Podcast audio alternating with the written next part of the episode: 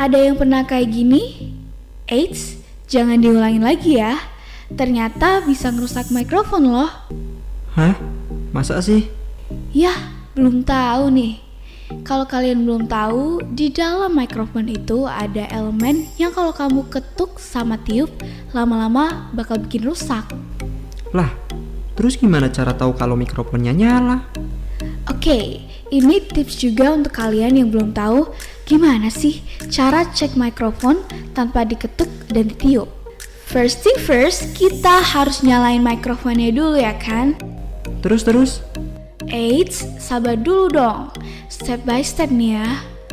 Oke, jadi cara mengeceknya itu kita bisa gunain vokal. Oh, vokal. Maksudnya vokal yang gimana ya?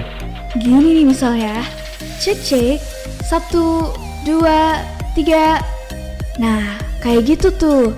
Kalau masih nggak kedengeran, berarti kabelnya belum nyambung dong.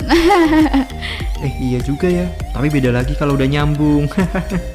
Sekarang aku jadi tahu deh gimana caranya ngecek mikrofon yang bener. Awalnya aku kira dengan cara mengetuk atau meniup itu nggak ada pengaruh apa-apa. Ternyata bisa fatal banget ya kalau udah jadi kebiasaan. Nah, iya kan?